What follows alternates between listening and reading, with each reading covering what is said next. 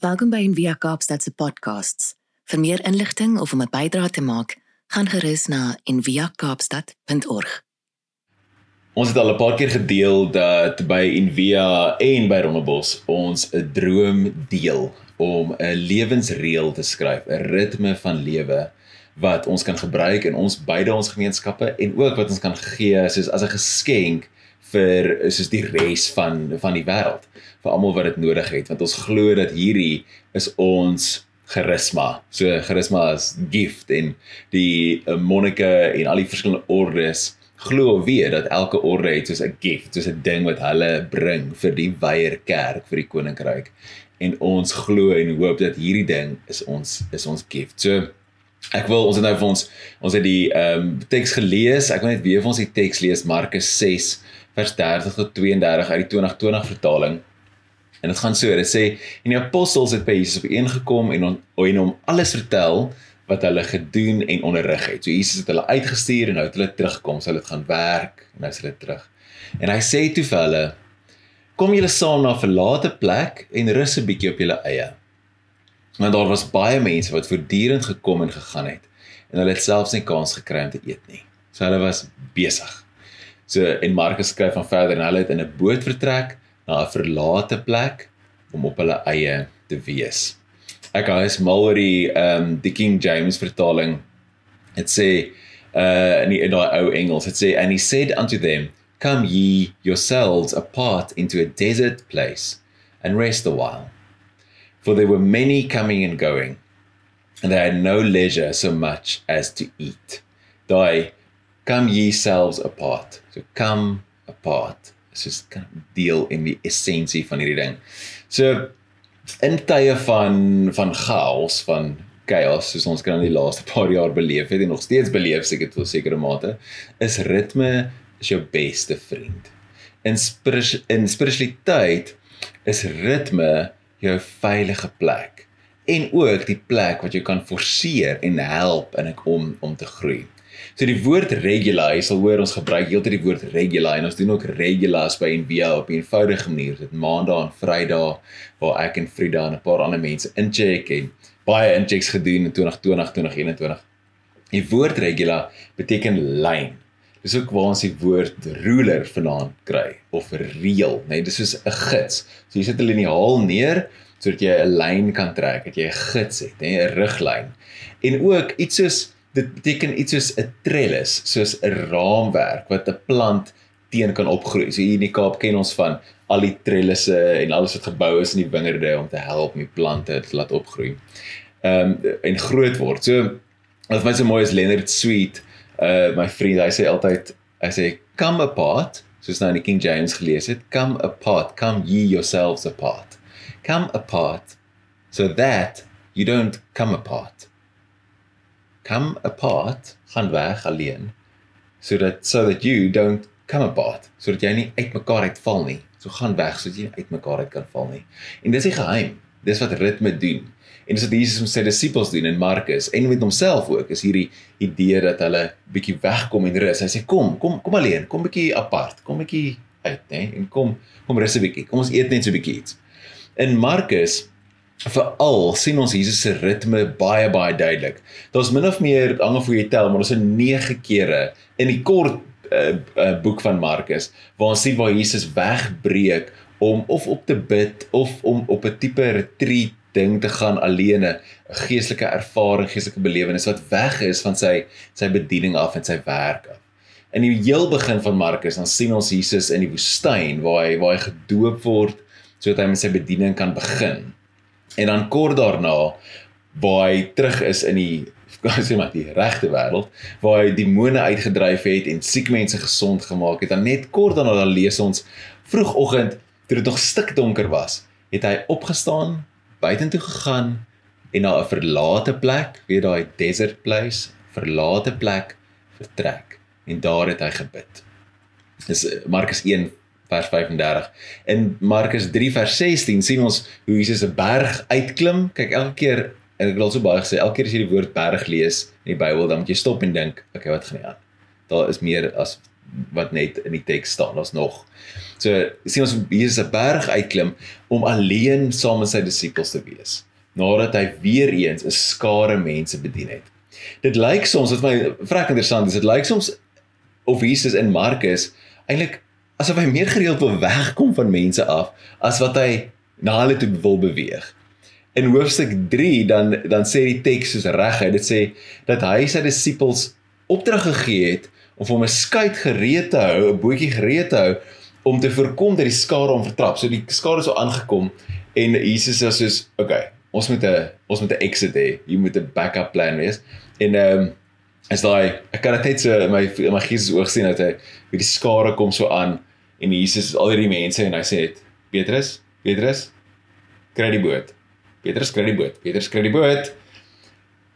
Ons sien gereeld hoe Jesus intentioneel wegbeweeg van mense af.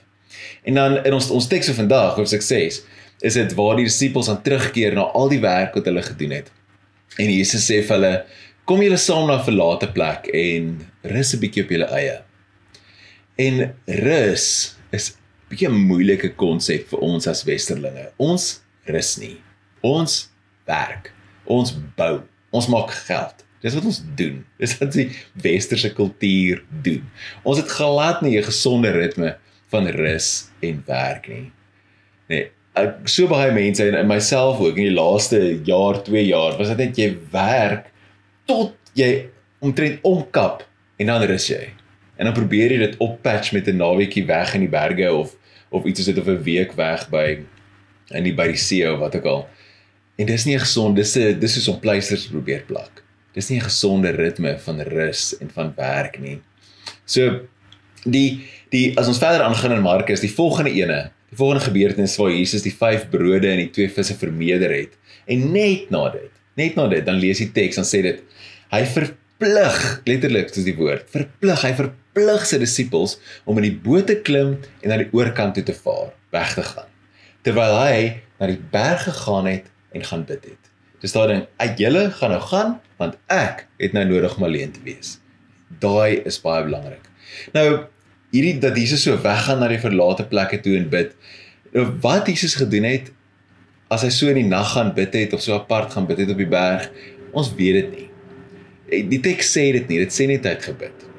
So die kontemplatiewe kultuur of ehm um, samelewing of so hou daarvan om te sê dat hy dat hy in stilte gaan sit het en hy het gaan mediteer en so, maar die waarheid is ons weet nie. Ons weet nie wat hy gedoen het nie, maar ons weet hy het weggebreek.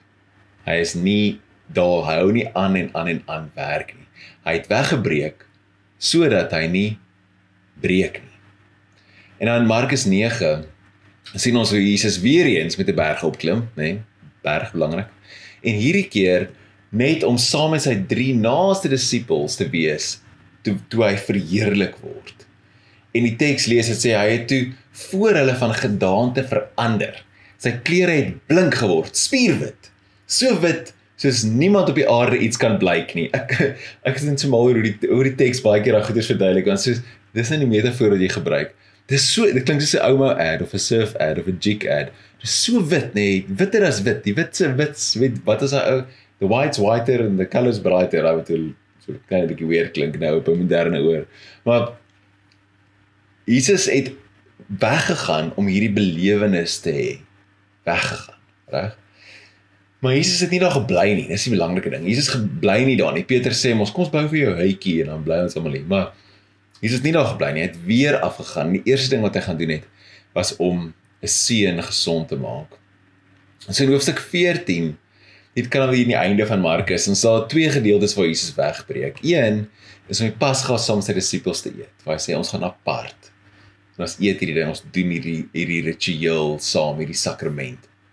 Reg? Dis 'n dis 'n tyd van van openbaring van wie hy is, van wat hy kom doen het. Dis 'n tyd van onthou. Die Pasga was 'n 'n maaltyd om te onthou hoe God die Israeliete gered het uit Egipte uit, hè in 'n tyd van vas lê van wie hierdie mense is en wat ons besig om te doen. En dan die laaste keer wat Jesus in Markus wegbreek om te bid. En seker die bekendste is na die tuin van Getsemane. Nou verskoon my. So Jesus volg 'n ritme van met saam met mense en dan sonder. Van luister in afsondering en dan doen. Van hoor wat God se wil is en dan gehoorsaam wees. En dis ook wat ons probeer doen en bou by by Envia. Dis ook ons goed het soos retreats en onderskeidingstydperke dat daar ruimtes is waar jy apart kan gaan, waar jy kan wegbreek sodat jy nie breek nie. Jesus se wegbreek bevestig sy identiteit. Reg? Toe hy in die woestyn was, toe Johannes hom gedoop het wat weg is van enigiets anders af. Dan hoor hy die stem wat sê jy is my seun, ek hou van jou. En later weer op die berg toe Jesus verheerlik word, sê dit hierdie is my seun, luister na hom. Tye van rus, tye van gebed, tye van toets, tye van openbaring. Dis al hierdie goeders wat gebeur wanneer Jesus wegbreek en wanneer ons wegbreek. Tye van rus, tye van gebed, van luister, van hoor.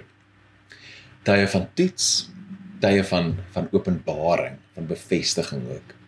So die vraag dan is vir my en vir jou en vir ons gemeenskappe, vir Envia, vir Rondebos, vir almal, is hoe lyk jou lewe? Hoe lyk die ritme van jou lewe? Want as ons nie intentionele ritme bou nie, dan val ons lewe self in 'n ritme in en meer en meer meer gereeld as nie val dit in 'n baie ongesonde ritme in. So die kerkvaders en die stigters van al die monastiese bewegings het hierdie verstaan dat ons soos lewensreëls en ritmes nodig het, intentioneel is, want anders val ons in slegte ritmes in.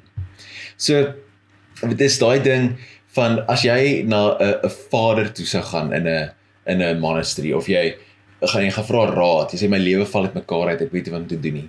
Die antwoord sal gereeld wees: Wat sê jou tradisie vir jou om te doen? Wat sê jou ritme vir jou om te doen? Jy sê ek weet nie wat om my geestelike lewe nou te doen nie en wat moet ek nou doen? Dan sê jy sê maar wat sê jou tradisie moet jy nou doen? Is dit nou epifanie? Okay, as dit nou lent, dan moet jy vas. Is dit nou Paasfees, dan moet jy fees vier. Dan moet jy hierdie ritmes volg. Ons tradisies en daai reëls wat die tradisies gevorm het, die reëls, die gebruike, die geloofsgewoontes, daai ge dit dit dra almal. Dit dra ons. Dit maak vir ons 'n net, 'n struktuur om ons lewens mee te leef. En hierdie bekende bekende aanhaling van Annie Dillard wat ons al so baie keer gelees het, maar dit is so so waar. Sy skryf sy sê how we spend our days is of course how we spend our lives. What we do with this hour and that one is what we are doing. A schedule defends from chaos and whim. It is a net for catching days. It is a scaffolding on which a worker can stand and labor with both hands at sections of time. A schedule is a mock up of reason and order, willed, faked, and so brought into being. It is a peace in a haven set into the wreck of time. It is a lifeboat on which you find yourself decades later, still living. Dis wat 'n lewensreël doen en dit is wat ons baie meer intentioneel wil vestig binne in Envia binne in ons elkeen se lewe. Die kerk se gawes, hierdie gawes van lewensreëls en ritmes en riglyne is so belangrik. So wat ons begin doen het by Envia aan die begin van 2020 toe toe lockdown geslat het, het ons elke dag 7 dae week, oggend en aand check-ins gehad meditasies in die oggend en 'n check-in eksamen in die aand en aandgebede, oggendgebede. En eh, ek kan nie vir jou sê hoeveel keer mense my al gestorm het soos by 'n troue as ek 'n troue het of iets en dan sê ek so dankbaar dat julle daai vir ons gedoen het in 2020 toe alles nog baie onseker was en baie die mekaar. Die een uh, vrou sê vir my sy sê dit was so sy was so vol angs dat haar werk verloor, al hierdie goed het net die hele wêreld is mal. En sy het net in die oggend en die aand met haar foon so op haar bors gelê en net geluister na hoe ek en Frida en Joshan almal net so ingecheck het en met gepraat. Net om net om hulle 'n stem te hoor wat lewendig met hulle praat wat by hulle is was so belangrik. Maar dis die ritme. Die magic daarvan is die ritme dit is wat die wat ding is dis amper asof dit nie eers die inhoud is nie maar net die om die ritme te hou is dit wat belangrik is so om 'n ritme te leef is om jou lewe so in te rig dat die vrug van jou lewe kan groei. Reg? Dis soos om die plant teen die trellis traliewerk op te lei sodat dit in die lig van Christus kan groei en kan leef. Die trellis, hierdie ding, hierdie reël, mense sê ek het nog reëls in my lewe hê nie, maar hierdie reëls, hierdie trellis, die lewensreël is gemaak vir jou, nie jy vir die reël nie. Jesus het immers gesê, weet die Sabbat wat 'n ritme is, 'n ritme van rus, is gemaak vir die mens en nie die mens vir die Sabbat nie. Dis daar om jou te dien sodat jy kan groei, sodat jy kan word wie jy veronderstel is om te wees.